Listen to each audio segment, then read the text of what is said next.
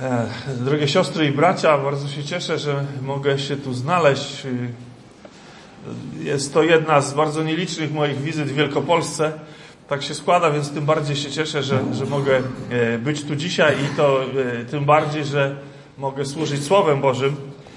Ja zawsze mówię o sobie, że jestem człowiekiem dwóch światów, historii i teologii i na przemian to się jedną, to się drugą rzeczą bardziej zajmuję. Natomiast y, gdybym miał wybierać, czym musiałbym się zajmować, gdyby była to tylko jedna rzecz, to, to z pewnością wybrałbym zwiastowanie Słowa Bożego, e, odkładając na bok historię, którą kocham, ale Słowo Boże jeszcze bardziej. I, i dlatego chciałbym dzisiaj e, e, podzielić się z Wami rozważaniem na temat e, jednej z praw reformacji, w związku z tym, że że wczoraj i, i dzisiaj jeszcze później też będę mówił na temat reformacji, dlatego też w tym dzisiejszym zwiastowaniu słowa chciałbym odnieść się do, do, do jednego z takich naczelnych y, haseł reformacji, czyli sola scriptura. E, oczywiście nie na zasadzie przedstawienia e, tej czysto reformacyjnej nauki, czyli przedstawienia pewnej doktryny reformacji, ale na zasadzie pewnego e, nawiązania do tej, do tej idei właśnie sola scriptura. E, oczywiście sztandarowe teksty Biblii, które by e, nam na ten temat mówiły, to, to Psalm 119 i, i, i drugi list Tymoteusza, e, rozdział trzeci, gdzie czytamy Całe Pismo przez Boga jest natchnione i pożyteczne do nauki, do wykrywania błędów, do poprawy, do wychowywania w sprawiedliwości, aby człowiek Boży był doskonały, do wszelkiego dobrego dzieła przygotowany. Natomiast dzisiaj ja chciałbym E, skupić się na, na zupełnie innym tekście, e, zapisanym w liście do Hebrajczyków w czwartym rozdziale, wersety 12 i 13, gdzie czytamy Bo Słowo Boże jest żywe i skuteczne, ostrzejsze niż wszelki miecz obosieczny, przenikające aż do rozdzielenia duszy i ducha, stawów i szpiku, zdolne osądzić zamiary i myśli serca. I nie ma stworzenia, które by się mogło ukryć przed nim, przeciwnie, wszystko jest obnażone i odsłonięte przed oczami tego, przed którym musimy zdać sprawę. E, są w Biblii takie sformułowania, do których mam wrażenie, że już się przyzwyczailiśmy e, i dlatego nie zwracamy na nie być może większej uwagi. Po prostu czytamy je po raz kolejny i, i przechodzimy dalej, uważając, że, że jest to dosyć oczywista prawda. E, Patrzymy je w sposób, patrzymy na nie w, w sposób poprawny, ale, ale jakby przy, przyjmujemy bez, bez głębszej refleksji. I, I z takim właśnie wyrażeniem mamy do czynienia na samym początku tego, y, tego stwierdzenia autora listu do Hebrajczyków. Tam się pojawia fraza Słowo Boże. Y, I właśnie na tym polega wyjątkowość Biblii, że to jest Słowo Boże. Właśnie tak, jak tu jest to sformułowane. Prawda, że brzmi to nieznośnie banalnie, gdyby się nad tym zastanowić, co przed chwilą powiedziałem, że wyjątkowość Biblii polega na tym, że to jest Słowo Boże. I to jest właśnie ta prawda, którą e, powtarzamy wielokrotnie, e, ale, ale gdybyśmy się zastanowili chwilę, co do nas mówi ta, ta właśnie fraza, to właśnie sformułowanie. Otóż e, Biblia jest Słowem Boga skierowanym do nas w określonym celu. Szeroko napisał o tym Paweł y, w liście do Tymoteusza, właśnie w tym y, trzecim rozdziale drugiego listu, że ono jest pożyteczne do nauki, do wykrywania błędów, do poprawy, do wychowywania w sprawiedliwości, aby człowiek Boży był doskonały, do wszelkiego dobrego dzieła przygotowany. Natomiast my dzisiaj, ludzie współcześni, patrzymy na e, Słowo Boże w sposób taki dosyć charakterystyczny dla naszych czasów, to znaczy w sposób nakierowany na, na odbieranie własnych, osobistych, partykularnych korzyści. Czyli człowiek współczesny myśli sobie, e, Biblia ma mówić do nas tu i teraz, ma odpowiadać na nasze bieżące problemy, e, odpowiadać na to, czym żyje w danym momencie swojego życia. Tymczasem Bóg przekazuje swoje słowo jakby w zupełnie innym celu. Jeszcze raz, pożyteczne do nauki, do wykrywania błędów, do poprawy, do wychowywania w sprawiedliwości, aby człowiek Boży był doskonały, do wszelkiego dobrego dzieła przygotowany. przygotowany. I kiedy popatrzymy znowu na te słowa Pawła skierowane do Tymoteusza, Czy jest gdzieś tutaj y, jakieś słówko o tym, gdzie znaleźć pracę, albo jak znaleźć męża, jak rozwiązać problemy rodzinne, czy coś w tym rodzaju? Nie, tutaj tej odpowiedzi nie znajdziemy w taki sposób, jaki byśmy się spodziewali na zasadzie czytania poradnika. Y, natomiast jest to związane z tym, że nie temu służy Biblia. Nie, nie po to Słowo Boże Bóg dał, e, żebyśmy traktowali je właśnie na zasadzie takiego poradnika życia codziennego.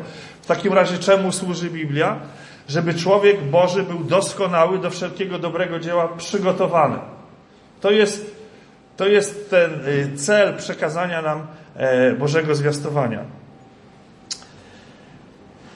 Bóg przekazał nam swoje słowo, żeby nas wychować, żeby nas ukształtować, żeby wskazać nam kierunek, e, żeby pokazać nam pewne wartości, które są istotne dla Niego, wartości, które chciałby znaleźć w naszym życiu, a nie dał nam Słowa Bożego po to, żeby y, to nasze życie w sposób doraźny stało się łatwiejsze.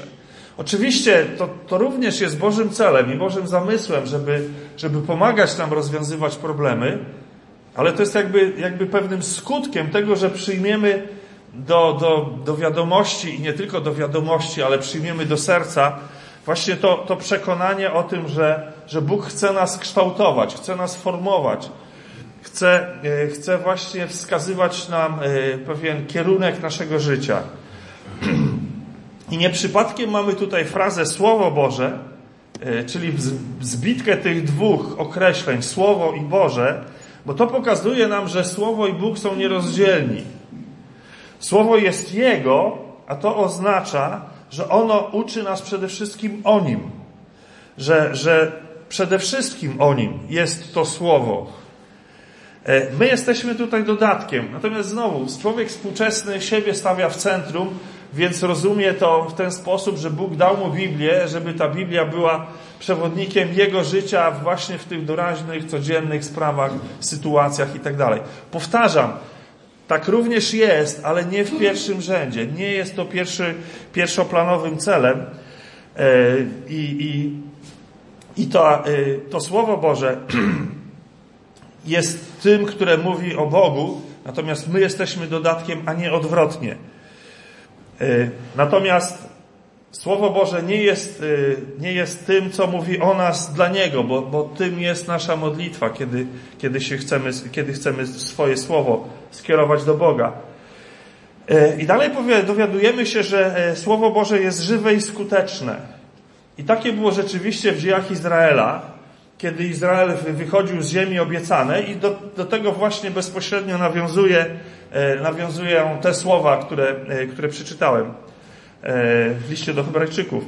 E, I Słowo Boże jest nadal żywe i skuteczne. To się nie zmieniło.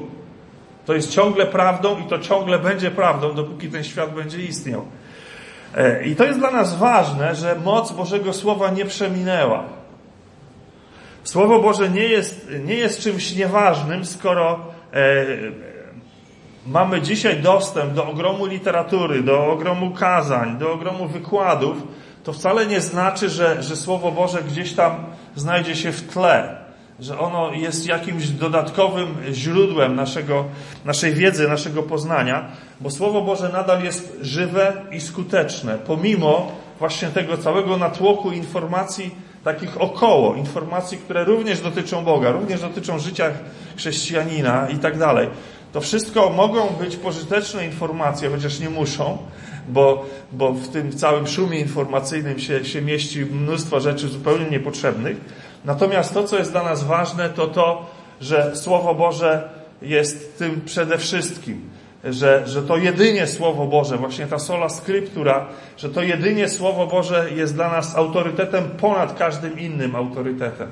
Ponad autorytetem jakiegokolwiek człowieka, ponad autorytetem jakiejkolwiek tradycji Słowo Boże jest tym, co jest dla nas pierwszoplanowym źródłem i jedynym źródłem e, poznawania Boga. I teraz chcę się podzielić pewną dygresją e, pokazującą nam, e, w jakże innym świecie my, ludzie Zachodu, żyjemy w porównaniu do chrześcijan świata prześladowań. Pewna, pewna prawdziwa historia. Błagali mnie bez końca, ale nie mogłem im jej dać, powiedział pewien człowiek. Wiem, że chrześcijanie powinni się dzielić z innymi, ale po prostu nie mogłem się z nią rozstać. Ze smutkiem człowiek wyciągnął rękę do przodu, żeby jego słuchacz mógł zobaczyć tę cenną rzecz, o której mówił. I mówi dalej, naprawdę chciałem, ale nie mogłem. Ci ludzie z Korei Północnej mówili mi, że przez 50 lat modlili się, aby dostać Biblię, ale nie dałem im jej, ponieważ modliłem się o nią przez 20 lat. I właśnie dostałem ją od pewnego pastora z Korei Południowej. Westchnął głęboko, przycisnął swoją Biblię do piersi. Chciałbym mieć taki stosunek do Bożego Słowa jak ten człowiek. My mamy Słowo Boże na, na miejscu, pod ręką, w każdej chwili dostępne, więc przyzwyczailiśmy się. Natomiast są ludzie na świecie, dla których jest to prawdziwym skarbem i, i, i nie jest to żadną metaforą, ale, ale rzeczywistością. Słowo Boże opisane w liście do Hebrajczyków w, w czwartym rozdziale e, opisane jest przez trzy przymiotniki, czyli jest żywe, jest skuteczne i jest ostre. I jest opisane przez dwa czasowniki, jest przenikające i jest zdolne osądzić. I teraz chciałbym, żebyśmy się chwilę zatrzymali przy tych określeniach, które, e, które e, nie pojawiają się tylko po to, żeby, żeby nadać blasku e, stylistyce tej wypowiedzi, żeby ją właśnie tak wypięknić, chociaż list do Hebrajczyków jest napisany piękną greką, znakomitą w sensie, w sensie literackości tego języka, ale, ale każde z tych określeń ma, ma swoje znaczenie właśnie nie tylko takie czysto artystyczne i upiększające. Po pierwsze, określenie żywe, czyli zao. To jest y, słowo pokrewne, pokrewne słowu życia, życie, czyli zoe. E, I, I słowo życie oczywiście jest przeciwieństwem śmierci, prawda? Jednak słowo życie, słowo e, Boże jest żywe nie dlatego, że ono nie jest martwe. Tu nie chodzi tylko o proste przeciwieństwo.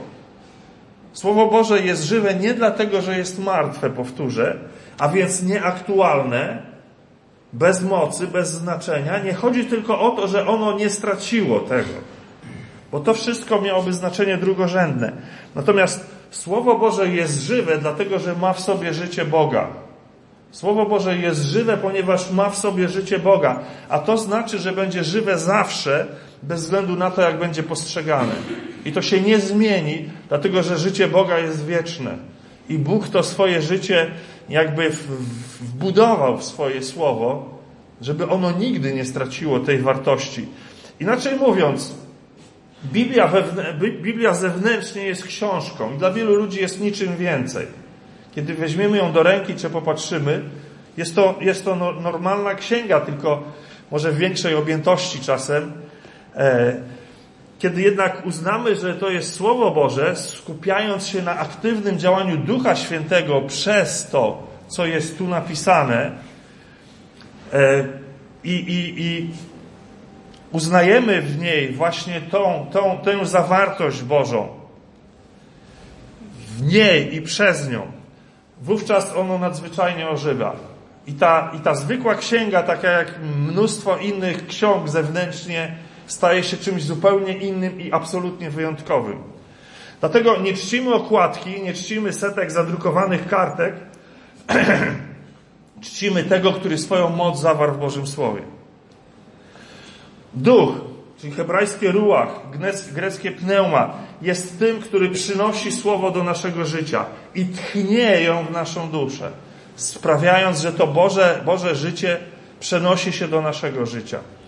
Dlatego można się zachwycać słownictwem, można się zachwycać gramatyką, można się zachwycać składnią Biblii, całą tą szatą e, językową, metaforyczną i tak dalej, ale jednocześnie nie brać z niej niczego, co przemienia życie. I są tacy ludzie, którzy badają, badają Biblię właśnie w taki sposób, czysto naukowy, nie, nie korzystając absolutnie z tego żywego słowa, które w niej jest, które, z którego ona się składa.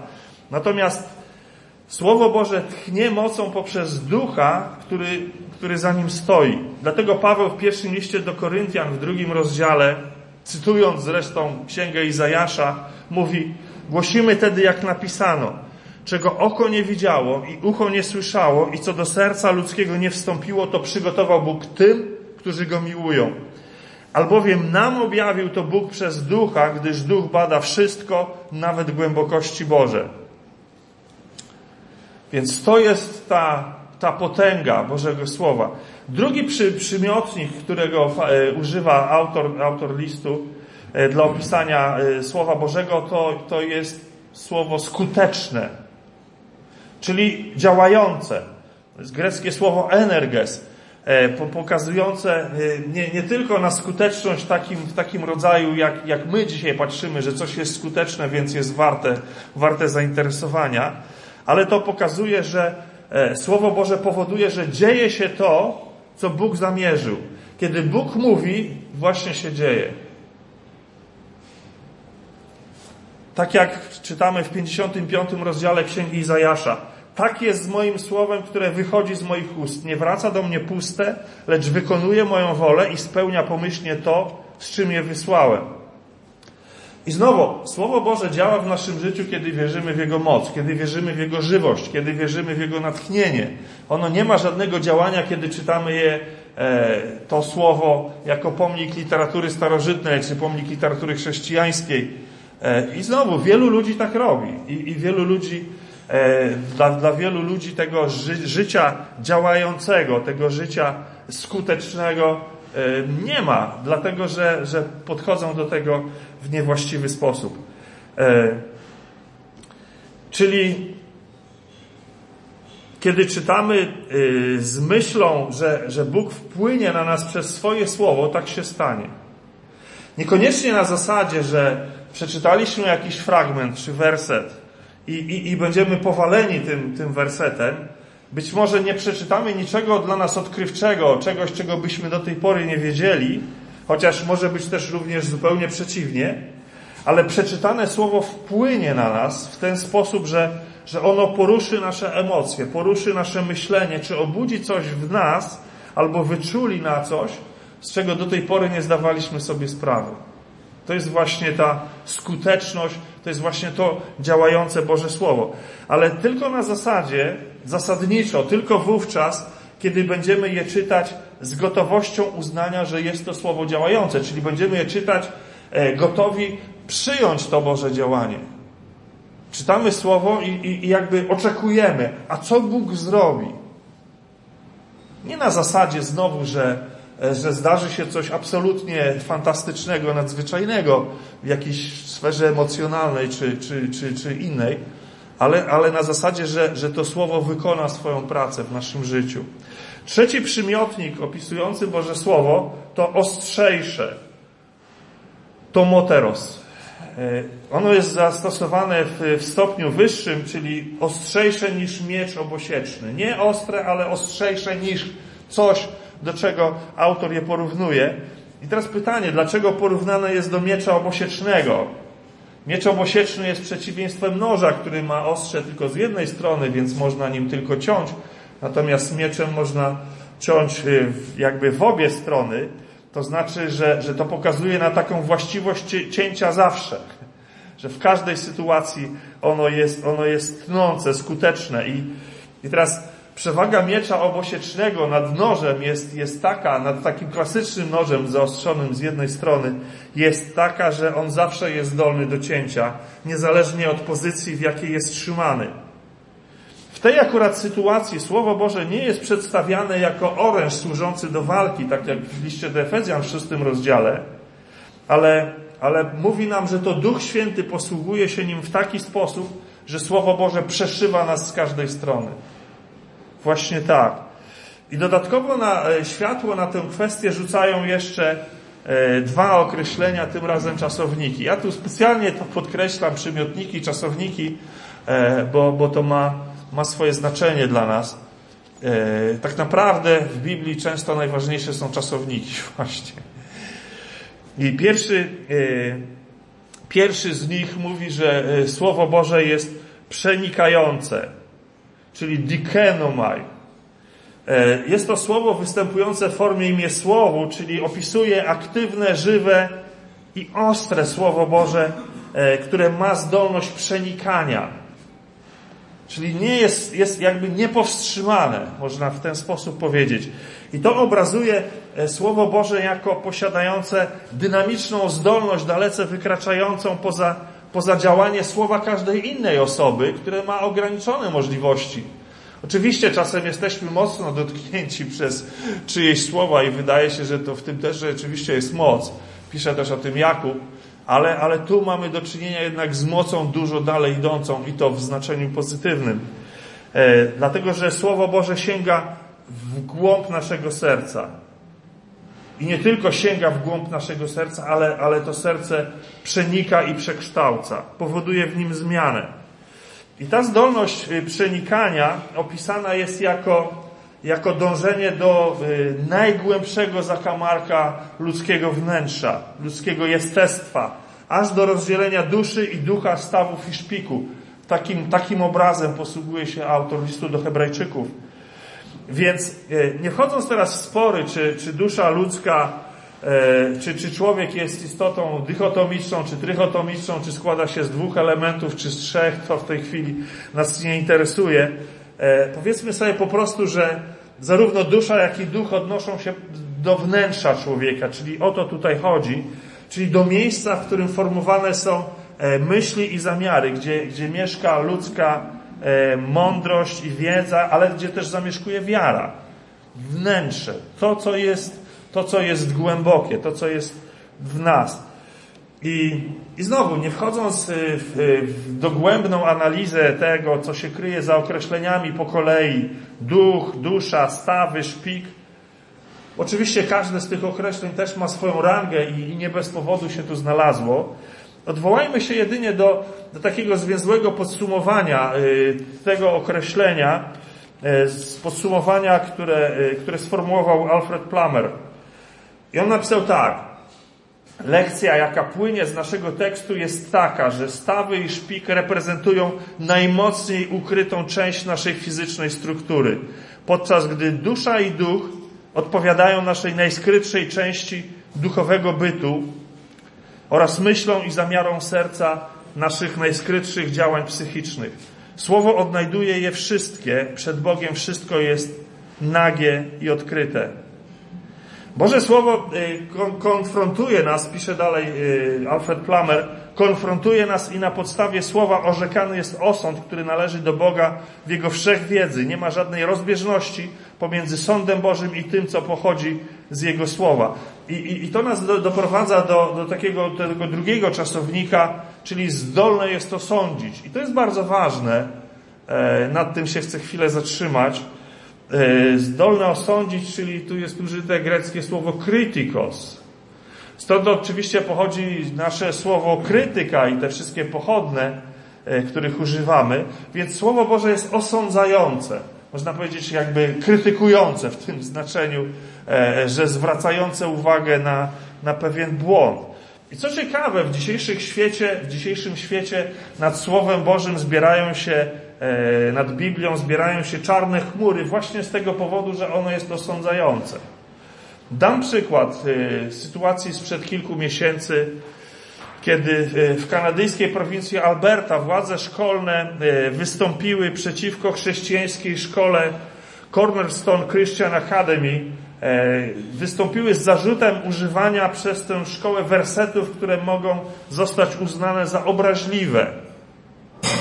Już wcześniej tę szkołę zmuszono do, do usunięcia ze swojej strony internetowej wersetu z 1 Koryntian 6, 9, 10, gdzie czytamy Albo czy nie wiecie, że niesprawiedliwi, którzy Królestwa Bożego nie odziedziczą, nie łudźcie się. Ani wszetecznicy, ani bałwochwalcy, ani cudzołożnicy, ani rozpustnicy, ani mężołożnicy, ani złodzieje, ani chciwcy, ani pijacy, ani oszczercy, ani zdziercy Królestwa Bożego nie odziedziczą. Więc to, było te, to był ten werset, który najpierw poszedł na pierwszy ogień, który był niedopuszczalny. Tylko, że jakby szkoła jest tu niczemu winna. Można powiedzieć, winne jest Słowo Boże, że, że takie sformułowania się tam znalazły, no bo to właśnie Słowo Boże formułuje tę prawdę, nie szkoła. Szkoła jedynie jest wierna e, i posłuszna temu, temu wskazaniu. Natomiast Słowo Boże formułuje tę prawdę w sposób osądzający. Tak to, tak to dzisiaj e, jest odbierane. Natomiast dzieje się tak dlatego, że właśnie taka jest rola Bożego Słowa. Ono jest osądzające. Czyli krytykujące, gdybyśmy użyli tego, takiej kalki językowej. Oczywiście jest to dzisiaj nie w smak różnym świeckim liberałom, ale także liberalnym chrześcijanom, że ono jest osądzające, że ono krytycznie się odnosi do różnych rzeczy, które my uznaliśmy za e, do przyjęcia albo, albo wręcz czasem godne pochwały. Tylko pytanie, które powinni sobie zadać jedni i drudzy, czyli ci, którzy sprzeciwiają się takiemu formułowaniu, takim sformułowaniom Bożego Słowa, pytanie, y, które powinni sobie zadać brzmi, kogo bronicie, a z kim walczycie? Czy aby nie robicie czegoś na odwrót, tak naprawdę? I bynajmniej nie chodzi mi wcale o to, y, o te wymienione jakieś kategorie ludzi, które się pojawiły choćby w tym pierwszym liście do Koryntian z szóstego rozdziału. E, bo, bo to nie on, nie, nie ci ludzie wymienieni tutaj, cudzołożnicy, bałwochwalcy, mężołożnicy i tak dalej. Nie oni są tutaj jakby przedmiotem sporu. Chodzi o coś ważniejszego, o coś znacznie ważniejszego. Jaką rangę ma dla nas Słowo Boże? Czy ono jest tym, co, e, co przyjmujemy jako autorytet z Bożego nadania? Czy jest czymś, co ocenzurujemy ze względu na to, że nie przystaje do współczesnej kultury? I to jest bardzo ważna, ważna kwestia dla współczesnego Kościoła. Swoją myśl autor y, kontynuuje y, w wersecie 13. Mówimy cały czas o liście do Hebrajczyków. I nie ma stworzenia, które by się mogło ukryć przed nim. Przeciwnie, wszystko jest obnażone i odsłonięte przed oczami tego, przed którym musimy zdać sprawę. Jako, że Bóg jest wszechwiedzący, nie ma stworzenia, które by się przed nim ukryć mogło. Czyli dosłownie nic nie jest przed nim zakryte. Dzieje się tak za sprawą Jego Ducha, więc Słowo Boże może zostać wykorzystane, aby precyzyjnie zrealizować, skutecznie zrealizować Boże zamiary. I jest to podkreślone przez, przez, drugie, y, przez drugie zdanie współrzędne w naszym wersecie. Wszystko jest obnażone i odsłonięte przed oczami tego, przed którym musimy zdać sprawę. E, w głównych przekładach, w najczęstszych przekładach Biblii to słowo e, odsłonięte tłumaczy e, greckie gumnos, które w sensie dosłownym oznacza nagie, pozbawione osłony. Drugie natomiast określenie obnażone tłumaczy greckie słowo trachelizo, które tylko raz jest użyte w Nowym Testamencie E, jako, że ten czasownik występuje jako wyraz pokrewny greckiego rzeczownika trachelos, czyli szyja albo gardło, Franz Delitzsch, jeden z komentatorów biblijnych, przyjmuje, że podstawowy sens tego słowa to głowa odchylona do tyłu, aby odsłonić gardło. Brzmi to dosyć złowrogo, prawda? I w tym miejscu miałoby to oznaczać, że, że ktoś zakrywający swoją twarz przez spoglądanie w dół E, co, co naszą szyję zasłania, e, doświadczy podniesienia swojej głowy do góry, tak aby nie był w stanie niczego zakryć przed Bożymi oczami. To trochę taka sytuacja jak dzisiaj, kiedy ludzie świadomi są kamer monitoringu i kiedy chcą, żeby kamera nie zarejestrowała ich twarzy, e, trzymają ją głęboko opuszczoną, żeby właśnie nie było widoczne, kto to jest. I, i, i to jest ta sytuacja, kiedy, kiedy ktoś doświadczy tego odsłonięcia, że nic się, nic się nie ukryje e, przed Bożymi oczami. Czyli w czasie prowadzenia e, przestępcy na sąd czy na egzekucję w dawnych czasach było tak, że w niektórych przynajmniej e, społeczeństwach było tak, że ostrze noża strażnika przytknięte do szyi przestępcy sprawiało, że on musiał trzymać swoją głowę podniesioną wysoko, niejako patrzeć w twarz ludziom, których skrzywdził. Bezpośrednio czy pośrednio, wszystko jedno. Także nie mógł ze wstydu pochylić głowy, żeby nie patrzeć komuś w oczy, ale musiał trzymać ją podniesioną, żeby wszyscy mogli spojrzeć, spojrzeć mu w twarz i widzieć jego hańbę. I taka jest właśnie rola Słowa Bożego przed oczami tego, przed którym musimy zdać sprawę, co oznacza, że, że w dniu ostatecznym każdy będzie musiał zdać sprawę przed Bogiem i nikt nie będzie w stanie ani się schować, ani się ukryć przed Bogiem, ani ukryć dokonań swojego życia. Wszystko zostanie dokładnie zbadane przez, przez sędziego wszystkich spraw na ziemi.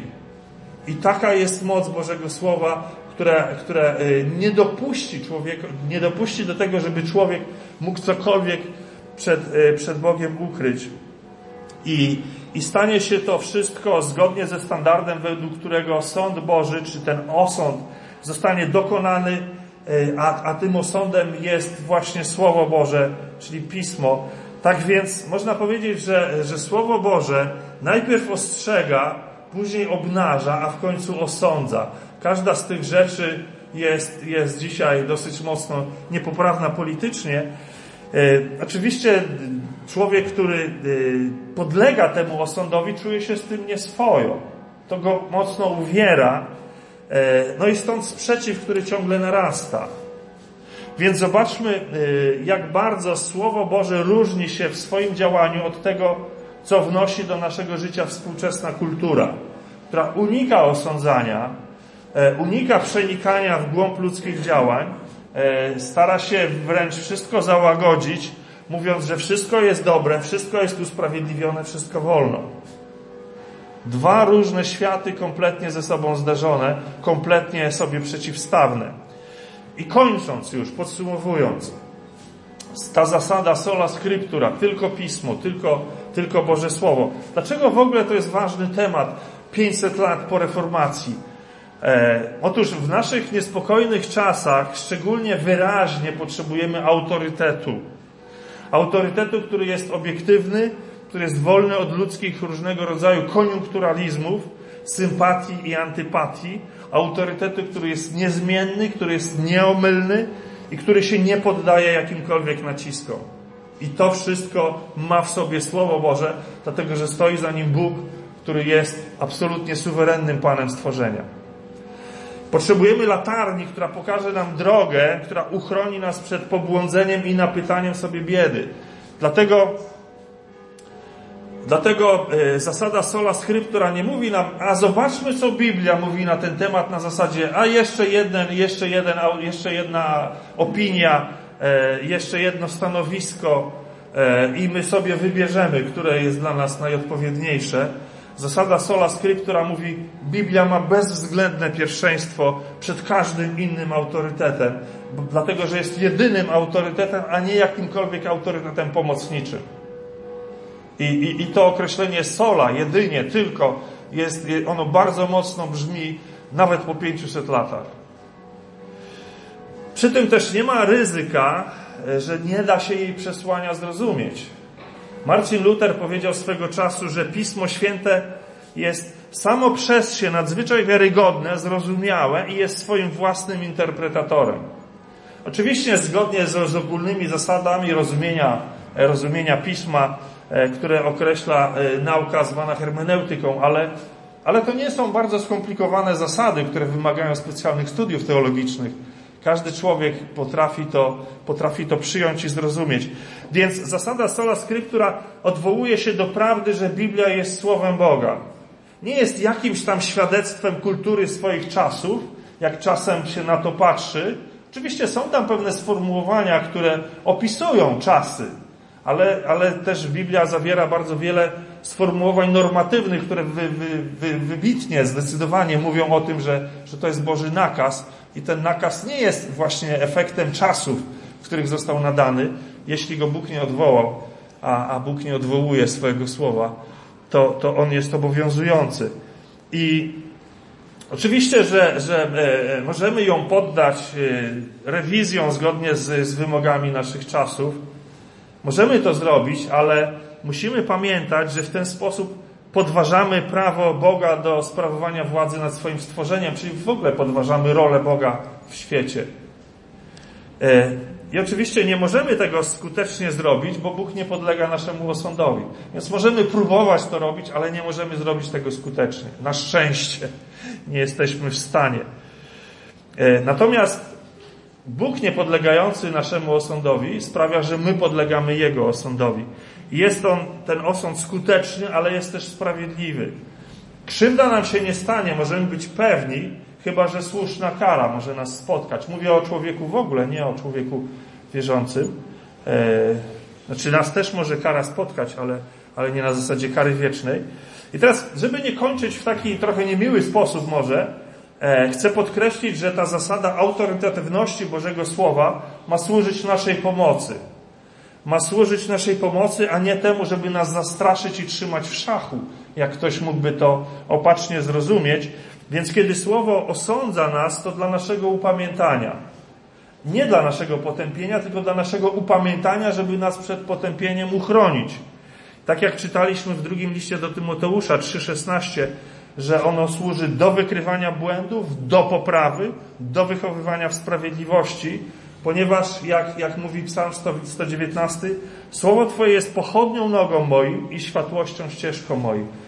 Po to Bóg je dał, żeby, żebyśmy poradzili sobie w tym trudnym świecie, w tym skomplikowanym świecie pełnym różnych wyznań i różnych zasadzek, Dlatego korzystajmy z tego Bożego Słowa, żeby nie potknąć się w ciemnościach oświeconego świata. Amen.